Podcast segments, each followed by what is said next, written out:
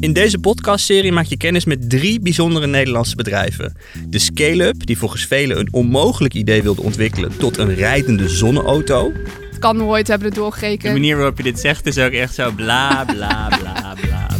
De Marktplaats, die spullen een tweede leven geeft en zelf ook aan een tweede leven is begonnen. Ja, heel veel. Toevallig heb ik gisteren... eh, Toevallig gisteren, ja. nee, gisteren kreeg ik inderdaad een eh, pakje binnen. En het familiebedrijf dat al decennia lang bekende automerken importeert en nu zelfs digitaal toegankelijk maakt. experimenten doen is helemaal niet moeilijk.